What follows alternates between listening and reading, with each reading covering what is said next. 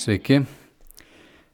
Šiandienos tema šio podcast'o yra, kodėl reikia saugotis stabmeldystės. E, manau, kad stabmeldystė daugam šiandien atrodo ne, neaktuali ir tikrai nepavojinga. Ir priežastis tokio mąstymo yra, nes mes jos ir nesuprantam. E, jeigu pasakytum žodį stabmeldystė, šiandien turbūt ne vienam prote iškyla toks paveikslas, kad žmogus neša kokį ryžių dubenėlį, lenkėsi prieš statulėlę. Tai yra kažkokių svetimų tautų ritualai, skirti nuraminti dievų pyktį. Bet stabmeldystė nėra aukų aukojimas, tai nėra tiesiog pagarbinimas kažkokios statulėlės, nors tai irgi yra būdas. Bet stabmeldystė yra daug gilesnis dalykas susijęs e, su mūsų širdimi ir su mūsų kaip žmogaus tokiu vidiniu viltimi, garbinimu, kam mes atiduodam savo prioritetą. Ir šitoj vietoje man labai yra pasitarnavęs pastorius Timas Kelleris ir šiandien ką kalbėsiu, ne viena mintis bus paimta iš jo knygos apie netikrus dievus Ir paskutiniu metu nemažai apie tai esu mąstęs, apie stabmeldystę ir mums kaip tikintiem žmonėm tikrai yra labai svarbu suprasti e, stabmeldystės tą pavojų. Timas Kelleris sako, kad stabas yra viskas, kas tau svarbiau už Dievą. Viskas, kas užvaldo tavo širdį ir vaizduoti labiau nei Dievas. Viskas, ko ieškai savo, ką duoti gali tik tai Dievas. E, Vadinasi, stabu gali patapti bet kuris geras dalykas, kuriam tu suteiki savo dėmesį, savo širdies um, kampelį ar net visą širdį. Tai, kas tau um, tampa gyvenimo prasme, gyvenimo, um, kaip pasakyti, gyvenimo pamatu, tavo laimės, tavo prasmės, pasitenkinimo. Ir um, Timas Kelleris dažnai sako, na, užduoda tokį klausimą, kaip atpažinti tą stabą. Tai yra klausimas, koks dalykas, kurį praradęs, prarastum ir savo gyvenimo prasme arba vertę. Ir kas tai yra tavo gyvenime, Biblija tai vadina stabu. Taigi stabas yra tai, kas be tikrojo Dievo, kas suteikia tavo gyvenimo prasme, laimę ir tapatybę. Žinoma, tai gali būti geras dalykas, kurio tu nori, kuris e, tave atrodo užmaitina, bet realiai negali atsakyti giliausius tavo širdies poreikius. Taigi e, šį e, rudenį, 19 metų rudenį, skaičiau Švento Augustino knygą Išpažinimai ir kitas jo mintis skaičiau ir jis kalba apie tokią metafizinę visatos tvarką kad kiekvienas daiktas visatoje turi savo būties laipsnį ir savo vertės laipsnį. Oras yra aukščiau žemės dulkių, aliejus pakyla į vandens paviršių. Va tokia visatos tvarka reikalauja žemesnių dalykų subordinacijos aukštesniems. Todėl žmogus turi žinoti ne tik savo vietą visatoje, bet ir kiekvieno dalyko vietą arba vertę. Ir Augustino tikėjimas vertė jį atskirti pagal kokybę kas yra amžina kaip kuriejas ir laikina kūrinys ir atitinkamai suteikti skirtingą vertę tam. Štai viena citata iš jo knygos apie krikščioniškąją doktriną. Šventą ir teisų gyvenimą gyvenantis žmogus turi suformavęs tinkamą dalykų vertinimą ir jo meilė, prisirišimas prie dalykų yra griežtai kontroliuojami taip, kad jis nemyli, ko neturi mylėti, myli, ką turi mylėti nemyli vienodai tai, kas turėtų būti mylima labiau ar mažiau ir nemyli mažiau ar daugiau tai, kas turėtų būti mylima vienodai. Joks nusidėjėlis neturėtų būti mylimas kaip nusidėjėlis ir kiekvienas žmogus turėtų būti mylimas kaip žmogus dėl Dievo, bet pats Dievas turi būti mylimas dėl paties Dievo. Ir jeigu Dievas turi būti mylimas labiau nei koks žmogus, tai kiekvienas žmogus turi mylėti Dievą labiau nei save. Taigi čia jis e, kalba apie išdėstymą mūsų e, meilės arba paskirstimą mūsų meilės, kad yra dalykai, kuriuos galim mylėti, e, ir turėtume mylėti labiausiai, tai būtų kuriejas Dievas, nes jis yra amžinas, o visa, kas yra laikina, turėtų būti mylima mažiau. Ir žmogaus širdis, žinoma, prisiriša prie dalykų, mes visi kažką tai mylim, vertinam, branginam. Problema nėra, kad mes kažką mylim, bet kad mylėdamas kažką tikiuosi gauti tai, ko tas meilės objektas man negali duoti. E, tarkim, noriu turėti absoliutų saugumą, ar ne? Moteris nori turėti tokį gilų saugumo jausmą. Ir tarkim, ji sudeda visą savo viltis, kad vyras, kuris turi verslą, vairuoja prabangų automobilį, suteiks jai tokį saugumą. Na tai yra natūralu, bet jeigu jinai sudeda visas viltis, kad šis vyras padarys viską, kad ji niekada nestokos, kad jinai visada jausis e, emocionaliai, dvasiškai, e, materialiai aprūpinta, galima suprasti, kad jos nusivylimas bus gilus, kai E, tas vyras, kuris aprūpina pinigais, nesirūpina jos emocinę būklę arba ją laiko žemesnių dalykų nei darbas, tarkim, pelnas, tas pats, kuris ir aprūpina šią moterį. Ir tu gali suprasti, kad giluminė tai žmogaus ar tos moters, tarkim, e, tas poreikis giluminis nebus patenkintas ir jeigu ji vylėsi, kad vyras viską padarys, o jis to nepadaro, nes niekada gal tam ir nepasirašė ir apskritai negali taip aprūpinti, uh, suteikti tokio absoliutaus saugumo, nes viskas gyvenime kinta ir tas pats verslas nėra apsaugotas nuo bankroto ir panašiai. Žmogaus emocijos kinta ir jo meilė moteriai gali atšalti. Jis labai rizikuoja paversdama tą vyro meilę absoliučiu dalyku.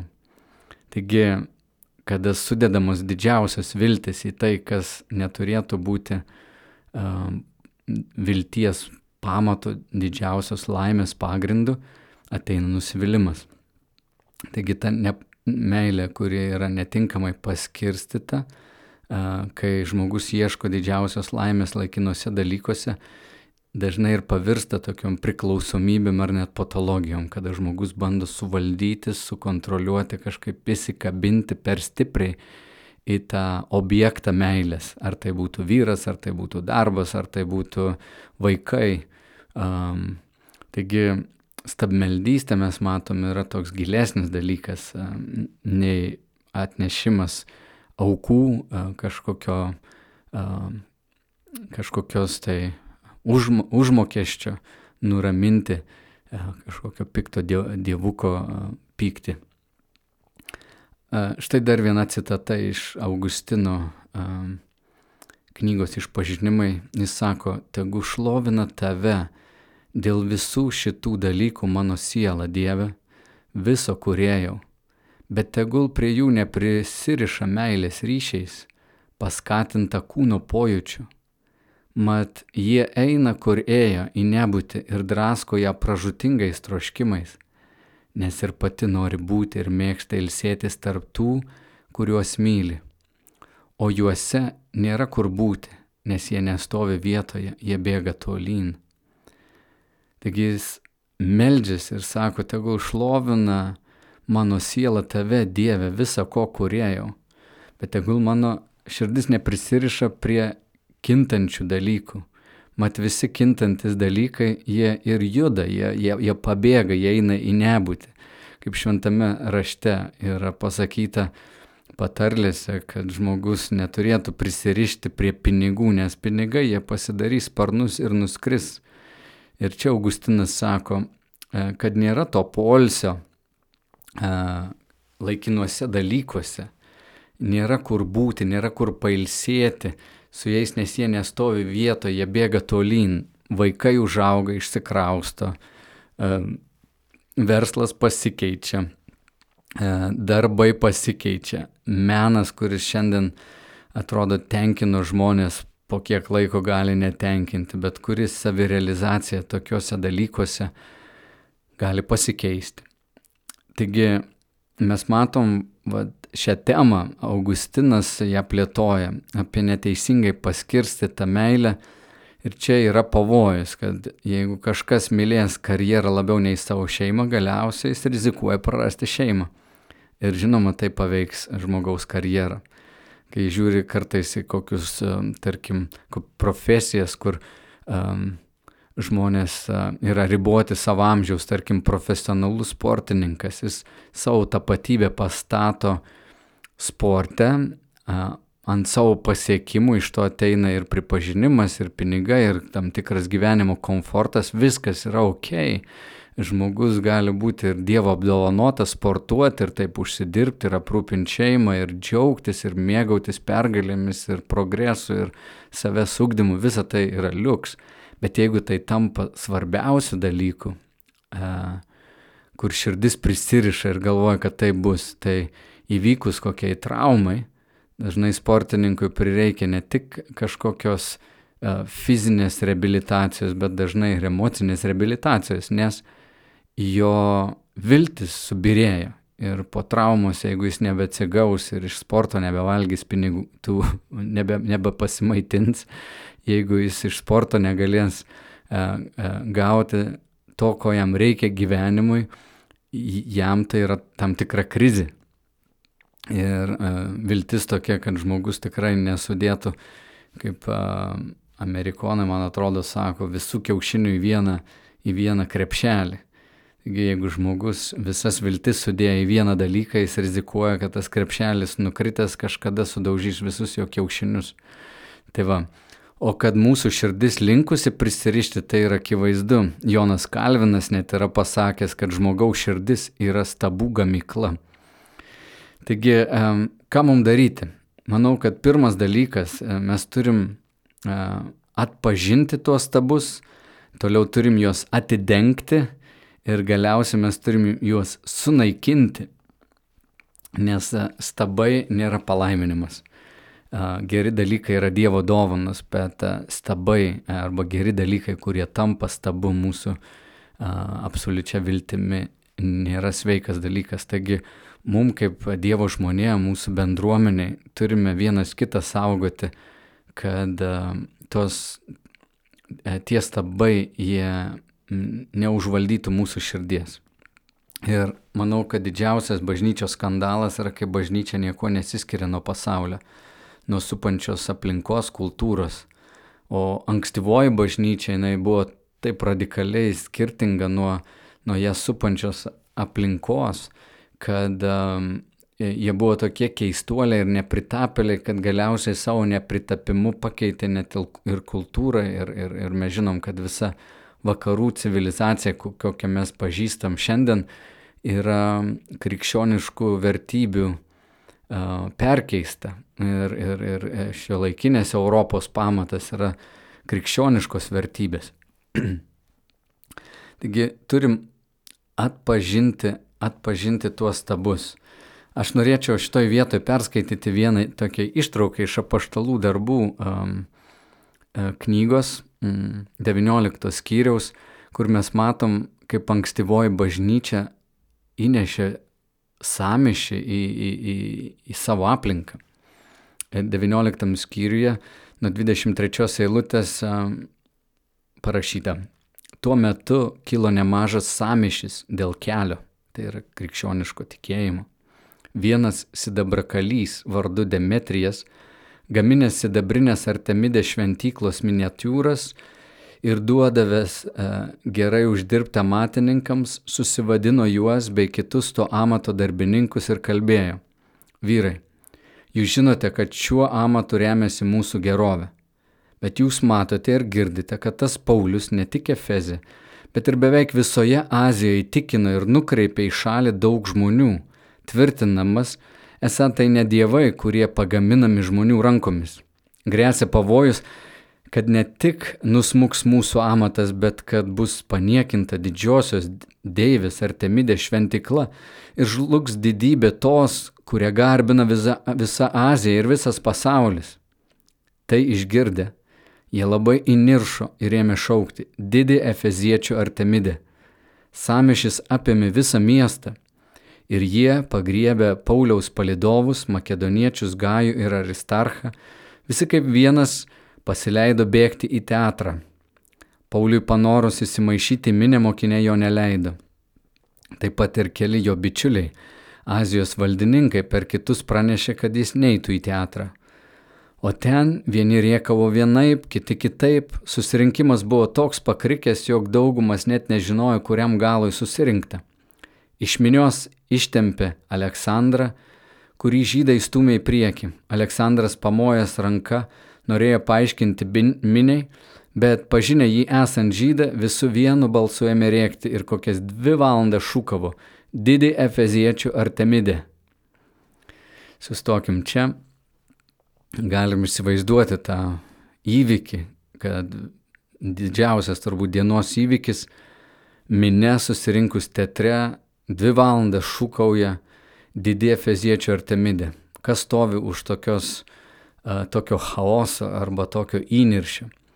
Paulius atėjęs perteikė vieną mintį ir pasako, kad Artemidė, kuri buvo karo ir tokio uh, verslo, galim sakyti, deivė, tokia, ne, atsiprašau, ne, ne, ne, ne karo deivė, bet tokia, jinai buvo menulio ir saulės deivė, ve, ve, ve, vaisingumo ir klėstėjimo deivė, kad jinai yra ne joks dievas, Uh, ir tos statulėlės, iš kurių užsidirba visi amatininkai, nėra joks dievas ir nėra jokios ten E, jokio saugumo, garbinant Artemidę, e, kad turėtum savo versle klėstėjimą. Bet visa Azija buvo to apimta.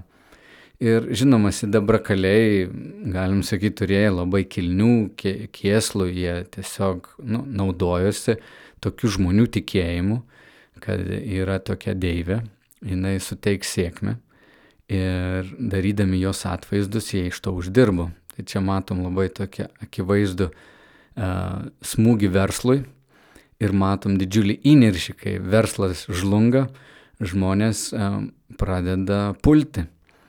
Ir apaštalas neždamas visai kitą žinę, kad yra kuriejas, kad tai yra tas, kuris sukūrė žemę ir dangų ir jis gali pasirūpinti. Ir kad ne vienas plaukas nuo tavo galvos nenukris. Jis yra apsauga, jis yra aprūpinimas, jis yra aukščiausias gėris, jis yra asmuo, kuris pamilo ir siuntė savo sūnų, kad per sūnų mums būtų duotas išgelbėjimas, kad visuomet būtume mylimi, apsaugoti ne tik šiame pasaulyje, bet ir amžinajame. Jam reikia lenktis, jį reikia garbinti. Ir štai kultūrinis uh, susidūrimas, įsitikinimų karas, vertybinis karas, Paulius, ankstyvoji bažnyčia, skelbia, kad yra vienas Dievas, kad yra jo sunus Kristus, per kurį gaunam išgelbėjimą ir mums nereikia garbinti jokių kitų dievų, jokių kitų deivių.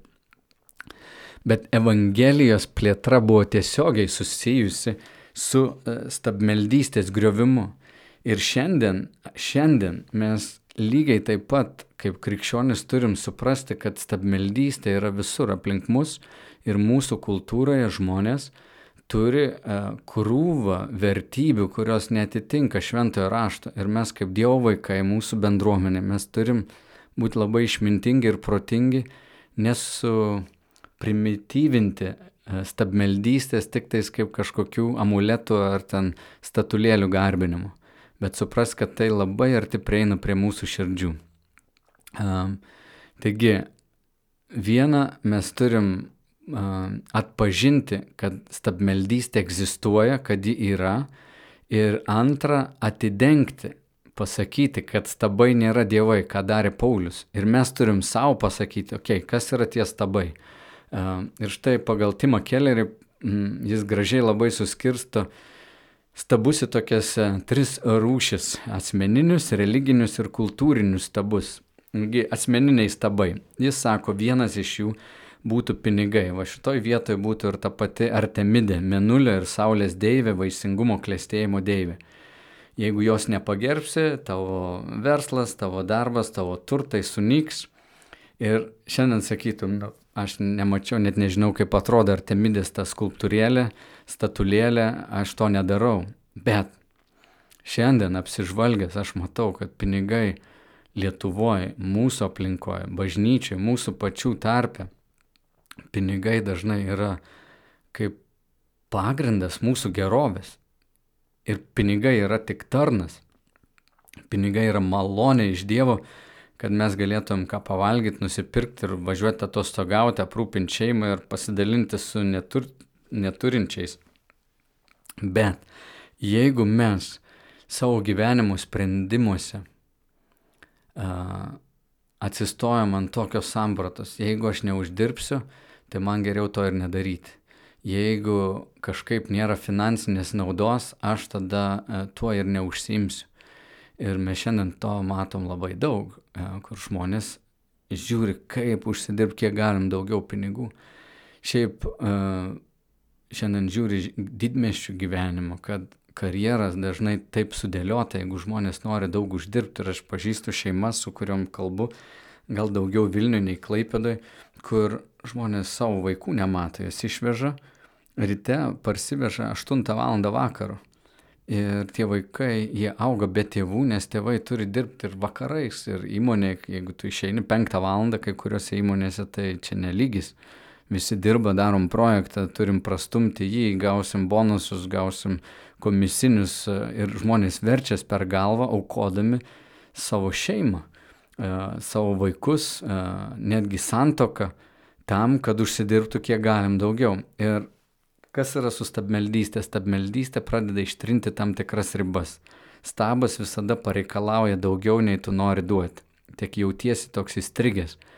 Ir jeigu tavo širdies vat, motyvas yra užsidirbti kiek galim daugiau, tai yra tavo gyvenimo laimės šaltinis, tada tu pasiruošęs esi paukoti daug ką draugus, gali šeimą paukoti savo laisvalaikį, sportą, kažkokius hobius ir, ir panašiai. Ir va čia turi pažiūrėti, ar širdyje pinigai, ta artemidės šventiklėlė, ar jinai nėra tavo širdyje pasidariusios mažos šventiklėlės, kurioje tu atnašauji aukas. Kitas dalykas tarp asmeninių tų stabų yra romantiniai santykiai. Tai čia jau būtų pagal graikus Afroditės meilės ir grožio deivės išraiška, kai tik kito žmogaus meilė suteikia man vertę. Ir čia turiu pasakyti, mano pokalbį kartais gal labiau su e, nevedusiai žmonėmis, kai kalbi, va, jie susiduria su tuo iššūkiu. Dievas, žinoma, įsteigė santoką, jis palaimino santoką ir tai yra nuostabus dalykas, mes turbūt toliau girdėsim kuriamas dainas ir, ir meninius filmus kuriamus ir, ir paveikslus tapomus ir spektaklius statomus apie dviejų žmonių meilę įsimylėjimą. Tai yra nuostabus dalykas, Dievo, dievo tikrai dovana, kai vyras pamilsta moterį ir, ir jie vienas um, kitam dovanoja savo gyvenimą. Bet jeigu žmonės romantinius santykius iškelia aukščiau visko, Ir aš jau pačioj pradžioj užsiminiau apie tai, kad labai lengvai žmogus gali savo pasakyti, kad mano gyvenimo laimė yra turėti vat, kitą tokį žmogų kaip aš, kuris mane mylės, su kuriuo būsiu, niekada nebesijausiu vienišas, visada jausiuosi saugiai, visada bus nuostabu ir susikuri tokį įvaizdį. Tai sureikšmindamas per daug su tuoktini, vėlgi gali ateiti į nusivylimus ir iš tikrųjų per didelę kontrolę arba tu uždėsi tam kitam žmogui tokius lūkesčius, kurių nieks negalės patenkinti. Galutinis toks lūkestis, kad aš būsiu mylimas, primtinas, man atleis, mane pakęs. Nu, Dievas gali taip mus, kaip čia pavadinti, aptarnauti arba su mumis tokį santykių turėti, bet joks žmogus negalės atsakyti visų mūsų poreikių. Ir vėl, tai, kas yra gražu, gali tapti mums absoliučiu dalyku, absoliučiu gėriu, kuris taip giliai mus veikia, kad mes rizikuojam pasidaryti iš to stabą. E, dar vienas asmeninių, asmeninių tų dievų arba stabų variantas gali būti vaikai. Ir žmogus savo širdį sako, jeigu mano vaikai bus laimingi ir sėkmingi, tada mano gyvenimas turės prasme ir laimę. Ir aš sutinku kartai žmonės, um, kai vienas iš tėvų sako, kad aš labai norėjau na, turėti tokią profesiją, bet pasirinkau netinkamą, aš noriu, kad mano vaikas tai turėtų. Ir tu bandai realizuoti savo svajonę per vaikus.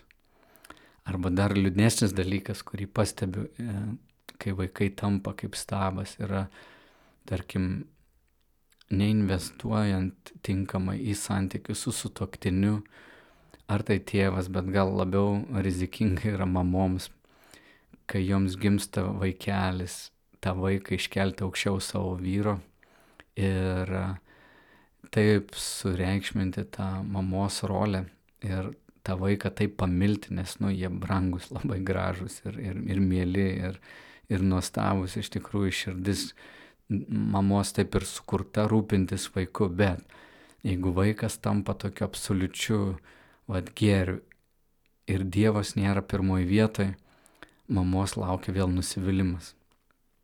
Prieš kokį mėnesį kalbėjau su mama, sako, niekaip negaliu atsikratyti liūdėsio, dukros užaugo, išsikraustė iš namų, nebeturiu prasmės. E, taip liūdna, taip žiauru. Ir va čia vėl yra dalis, kuri yra natūrali. Mama turėtų džiaugtis, laiminti ir, ir sakyti, užauginau dukras, paleidau jas, jos turėtų, va jos išėjo, aš džiaugiuosi e, jų išeimu ir yra kažkokia skylė, žinoma, kažkoks liudesys natūralu. Bet jeigu gyvenimas nebeteikia džiaugsmo ir nebėra nieko kito, visi kiaušiniai buvo sudėti tą vieną krepšelį ir tai vadinosi mano dukros ar ten mano sunus, tada tu matai, kad viskas atrodo subirėjo. Ir va čia tada būna ir kartais ir turbūt ir tų uošvenių anegdotai iš to kyla, kad mama negali paleisti dukros ar savo sunaus, kišasi jos santoką, nori kontroliuoti, patarinėti, būti ir negali niekaip paleisti. O čia vėl yra jau tokia vieta, kur gali e, paversti tai, kas yra Dievo dovana, nebe Dievo dovana, o, o savo Dievu, um, savo absoliučiu kažkokiu gėriu. Toliau, kokie gali būti religiniai stabai. Ir čia mums bažnyčia aktualu. Um, štai sutiksi kartai žmogų, kuriam tiesa yra tapęs kaip stabas kai kurie žmonės turi turėti tokį aišku užtikrintumą, kad aš tikiu teisingų mokymų ir teisinga doktrina. Ir jeigu aš tikiu teisingą mokymą ir doktriną, vadinasi, su manim viskas gerai. Tokie žmonės labai dažnai būna dogmatiški, visada teisūs. Ir, ir dar kas juos lydi, atsiranda panieka, sarkazmas ir, žinoma, puikybė prie to prisideda. Ir aš esu matęs, kai žmogus būna vienoje bažnyčioje, sako, o čia nuostabiausia bažnyčia ir iškelia vis, virš visų kitų, kol nenusivilia. Tada nueina į kitą bažnyčią, sako, va, radau teisingą bažnyčią, šitą geriausia. Galiausiai išeina ir iš tos atsiduria dar kitoje bažnyčioje, va šita yra pati geriausia. Čia yra, žinoma, tam tikras tipas žmonių, kuriems labiau būdinga būti taip įsikabinusi kažkokią tiesą ir žinojimą, kad yra kažkas didesnio už mane ir aš esu vat, šitoj tiesoje, dėl to su manim viskas yra gerai, bet tai irgi gali būti religinis stabas. Ir šventame rašte labai daug apie tai parašyta ir mes matom Jėzų, kuris bara fariziejus ir pasako jums pačių baisiausių žodžių, o fariziejai visiškai įsitikinę, kad jų doktrina yra teisinga ir taip įsitikinę, kad yra visiškai apakę ir net net pažįsta mesijo kurio laukia, net pažįsta e, Dievo sunaus ir net nusprendžia jį nužudyti. Tai va, stabas visada yra žudantis, naikinantis, nepakenčiantis kitą ir jis yra žiaurus. Ir fariziejai žiaurumas e, buvo tas įrankis, e, per kurį Jėzus buvo nukryžiuotas. Ir mes kaip Dievo vaikai turim suprasti, kad tik Dievas vienas yra teisus, Jėzus yra tiesa, mes matom ją ribotai, turim būti nuolankus, bet koks mąstymas, kad aš esu aukščiau kito, jau yra puikybė ir tai yra e, nuodėmė.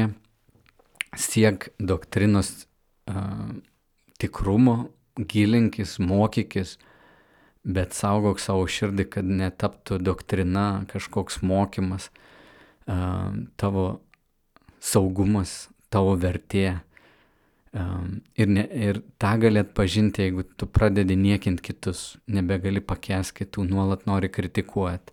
Tas pamokslininkas blogas, tas geras, tas šitas tik teisus, tas neteisus.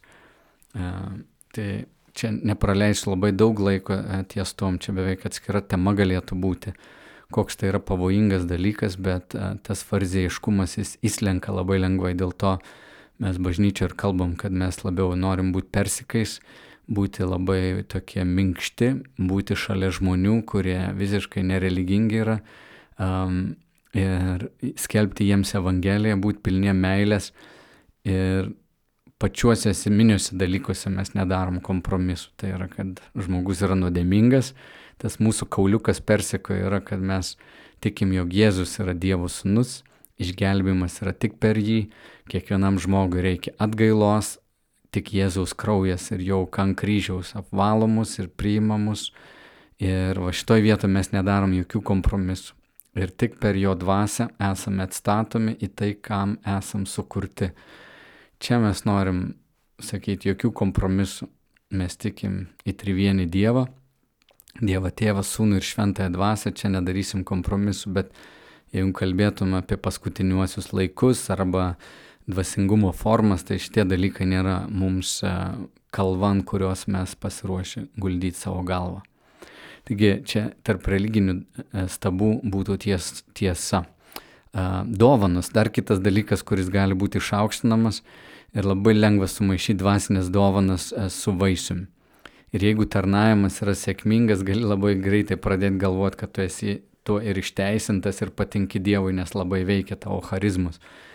Ir čia vad bažnyčiose vėlgi kažkas ateina ir sako, oi ten išgydymai veikia, ten pranašystės, ten tas, ten tas, o, o šitoj bažnyčio mokymas yra pats geriausias, ar ten tas ir anas. Tai Jėzus mus mokė pažinti pagal vaisius. Va tas noras pagal charizmas, pagal kažkokias dovanas suteikti savo vertę ir bažnyčioje pasakyti, mes kietesni, fainesni, nes vat vyko išgydymas ir ten pas juos ne, arba čia pranašaujama, o ten ne, arba čia mokoma ten uh, ypatingas patepimas mokymui, o ten ne, jie ten tik tais meldžiasi, bet Dievo žodžio nepažįsta toks skirstimas gali parodyti, kad mes širdyse jau esam įsikabinę į, į tam tikrą stabą ir, ir, ir, ir turim tokį pavojų, kad, kad būsim stabmeldžiai. Ir dar vienas dalykas, tai moralė tarp religinių tų um, stabų, moralė, pasitikėti savo moraliniai pačiu Dievu, Mat, kad aš esu morališkai nepriekaištingas. Vėlgi, jeigu žmogus sureikšmina savo elgesį, savo moralinius pasiekimus aukščiau paties Dievo, čia vėlgi jau yra statymas savo tapatybės ne ant Dievo, ne ant Kristaus suteikto mums teisumo, o ant savo pasiekimų. Ir tai irgi nuvils, kai žmogus įkristi nuodėmę. E, aš suvokiu taip. Turim nuolat gyventi su tokiu supratimu, kad imuniteto nuodėmė mes neturim, mes turim galiai veikti nuodėmę, bet esam visi lengvai pažeidžiami ir turim gyventi su tam tikra tokia e, e, neįtampa, kaip čia pasakyti, tokiu aiškiu supratimu, kad mes visi galim nusidėti ir nusidėti baisiai. Ir taip saugos mūsų širdino puikybės. Dar keli e, prieš pabaigą keletas kultūrinių e, tokių stabų. E, šiandien su kuo susiduria mūsų aplinkoje, tai vat, gyvenam tokiam, galim sakyti, dar apšvietos amžiui, nors jis ir yra toks post tiesos, post religijos liktai, ne religijos, post krikščionybės amžius. Racionalus protas, mokslas yra daugam atrodo atsakymas. Ir manau, kad mūsų kultūrinis elitas mano, kad technologijos progresas, ekonomikos kilimas, išspręs skurdo blogio problemas. Ir manau, kad taip tikrai nebus.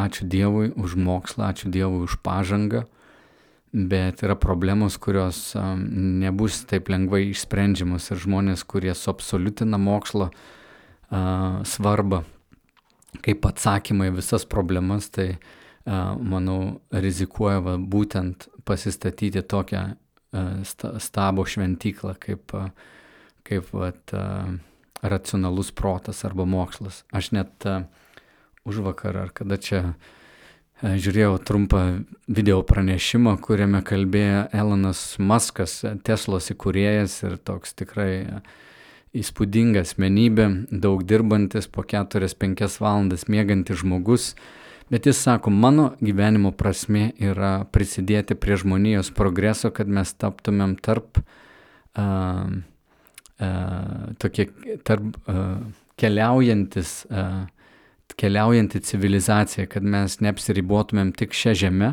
bet sugebėtumėm pakilti aukščiau ir išskristi gal net ir už Saulės sistemos ribų ir būti tokia uh, tarp galaktinė civilizacija, e, e, žmonių grupė, kuri gali būti nepribota tik šią žemę ir jis sako, jeigu aš galvoju, kad mes liksim čia gyventi tik tai iš toj žemėj, tai sako, mane apima depresija, nes čia labai daug problemų.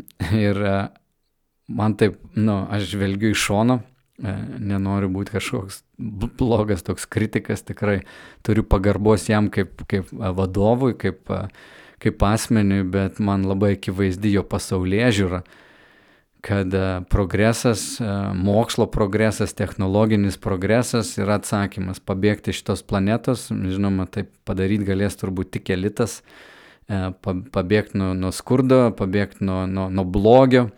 Tai yra ignoravimas pamatinių tokių žmogiškųjų, um, kaip sakyti, įdų problemų ir suabsoliutinimas mokslo. Džiaugiuosi už jo padarytą pažangą ir pas mane ant stogo kavo e, saulės baterijos ir aš tikiu ir, ir, ir tokiu progresu ir atsinaujinančią energiją ir panašiai. Viskas yra ok su tuo, bet jeigu mokslas tau yra atsakymas į viską, žinai, ir tada akivaizdu, kad tu e, kūrinyje iškėlėsi aukščiau kurėje individualizmas dar vienas kultūrinis dalykas ir mes susidurėm tikrai su tuo. Bažnyčioje, tarkim, mes turim mokytis bendrauti ir bendradarbiauti. Bet šiandien mūsų kultūroje yra išaukštintas individas, jo jausmai, žmogus yra kaip absoliutas aukščiausias gėris.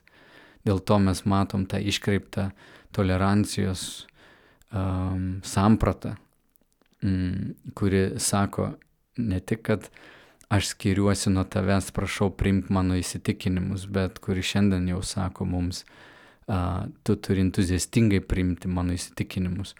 O pasakyti, kad tu klysti arba kad tavo įsitikinimai yra klaidingi, tai yra baisu, tai yra pažeminimas mano teisų kažkokių, mano vertės. Niekada taip nebuvo, žmonės visada diskutuodavo, šiandien politkorektiškumas įvairiuose aplinkose veda mus link totalitarizmo, oh, veda mus link e, to, totalitarizmo. Ok, čia reikės pataisyti. E, šiandien politkorektiškumas veda mus link totalitarizmo tarizmo, kai nebegalima nieko vertinti, nebegalime kritikuoti, nebegalima sveikai diskutuoti. Taigi turim pasisaugoti individualizmo ir va tokios uh, uh, klaidingos sampratos apie toleranciją. Tolerancija turėtų reikšti, kad aš tave galiu priimti, tavo nuomonę, ji gali būti klaidinga, aš su ja nesutinku, bet aš tavęs nežeminu dėl tavo nuomonės. Tai yra tolerancija ir manau, kad tai yra labai geras dalykas. Mes matome tai šventame rašte. E, o, o tai, kas šiandien vyksta, jau turėtum to pasisaugoti. Tai tiek apie stabus, kuriuos galim būtų paminėti, e, asmeninius, religinius ir kultūrinius stabus, e, bet pabaigai atsakymas, kaip sunaikinti stabus.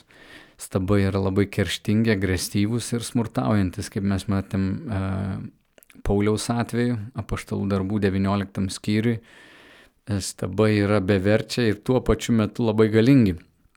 Apaštalas Paulius, kuris buvo tame epizode Efezo mieste, jis Efeziečiams rašė, laiškė Efeziečiams šeštame skyriuje sako, nes mes grumėmės ne su kūnu ir krauju, bet su kunigaikštystėmis, valdžiomis, šio amžiaus tamsybių valdovais ir dvasinėmis blogio jėgomis danguje Todėl imkitės visų Dievo ginklų, kad galėtumėte piktą dieną pasipriešinti ir visą atlaikę išstovėti. Paulius sako, kad stabai lyg ir yra niekas ir, ir, ir um, jiems nereiktų lenktis bet jie yra susijęs su kunigaikštystėmis ir valdžiomis, šio amžiaus tamsybių valdovais, kurie veikia žmonių protus, formuoja jų įsitikinimus ir greuna tiesą apie tai, kas yra kuriejas.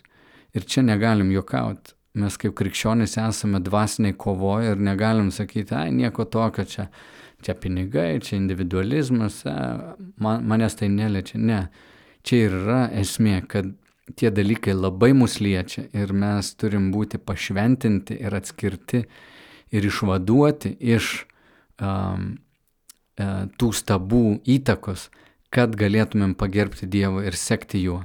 Jėzus Kristus nugalėjo tas kunigaikštystės ir valdžias. Kolosiečiams 2.15 sako, jis nuginklavo kunigaikštystės bei valdžias ir viešai jas pažemino, triumfuodamas prieš jas ant kryžiaus. Kur atsakymas, kaip įveikti e, tuos stabus? Kristaus kryžius yra ta vieta. Kristaus kryžius yra ta vieta, kur buvo paniekintas šetonas, kur visi gundimai susiję su pripažinimu, su turtai, su saugumi, saugumu yra sunaikinami kryžiaus aukoje. O kryžiaus aukas sako štai ką.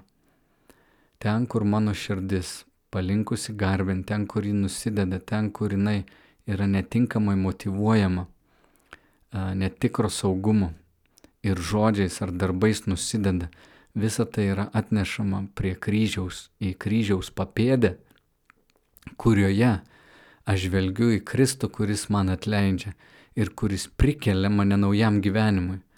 Ir šventosios dvasios įgalintas aš galiu paniekinti tą piktojo jėgą, tuos gundimus ir kaip Jėzus pasakyti viešpati Dievą garbink ir jam vienam te tarnauk. Gundimu. Iškelti romantinius santykius savo sutuoktinį, savo šeimą aukščiau. Dievo mes visada turim pasakyti savo, Dieve tau tarnausiu, tavim seksiu, Dieve kokia tavo valia. Kada mes atnešam savo tas tuos stabus arba tas kitas meilės prie Dievo kojų ir sakom, tėve, tave noriu labiausiai mylėti, tavo valią vykdyti, žinau, kad Dievas suteiks tau jėgų mylėti visus kitus dalykus proporcingai, atitinkamai jų vertės, kaip reikia mylėti. Iš šventosios dvasios ateina tas pažinimas, supratimas per Dievo žodžio a, nukreipimą mūsų širdžių ateina toks aiškus sudėliojimas, kas yra kas, kam kiek reikia atiduoti savo gyvenimo, savo vertės. O čia žinodami, kad mes turim galę Jėzaus vardu pasakyti, šitų dalykų negarbinsiu ir jiems netarnausiu. Ir čia šventoji dvasia duos tau galimybių, kada tau reikės atsisakyti kažko labai brangaus. Niekada nesobėjok, nesustok. Man yra buvę, kai aš uh, įsikabinu į kažkokį daiktą. E, kartą turėjau kompiuterį, pirmasis mano nešiojamas kompiuteris, kurį taip mylėjau, šventoji dvasia sako, o atiduok jį, padovanok kitam. Man taip, o čia, čia, tai, čia tai prašymas. Aš jį atidaviau ir gavau kitą ir geresnį ir viskas baigėsi fainai. Yra dalykų, kur kartais atiduodi ir tu galbūt negauni, tai ne mainai, ne, ne, ne pagerėjimas, bet aš stengiuosi į materialius dalykus žiūrėti, kad jie nėra mano. Mano gyvenimas yra Kristaus, o ką aš turiu, namas, mašina, yra tai, ką Dievas man davė. Ir jeigu jis paprašys, Sauliau, noriu, kad tu tai paukotum, atiduotum, mano širdis turi būti laisva tai ir padaryti. Jeigu mano širdis a, negali to padaryti, vadinasi, aš jau esu to dalyko pavergtas. Jau nebe jis man tarnauja, o aš jam tarnauju. Ir tą patį galim būtų pasakyti apie laiką, apie mano pastangas, apie mano entuzijazmą, kur aš atiduodu save. Visų pirma turėtų viskas būti atnešta Dievui ir iš tada visi kiti dalykai iš čia jau ateina. Ir čia Augustino žodžiais E, kai Dievas yra pirmoje vietoje, viskas kitkas yra savo vietoje. Taigi, brangieji, saugokim savo širdis, um, um, stebėkim, ieškokim jo valios ir jo karalystės, visa kita bus pridėta, Dievas pasirūpins tavim, bet žinok, kad dvasinė stabmeldystė yra kovos laukas, kuriame tu liksi iki paskutinės savo dienos. Būkim budrus, būdėkim ir būkim Kristaus sekėjais, ištikimi jam iki mirties. Tikiuosi šitas podkastas padės tau gyventi geriau ir iki kito susitikimo. Sudė.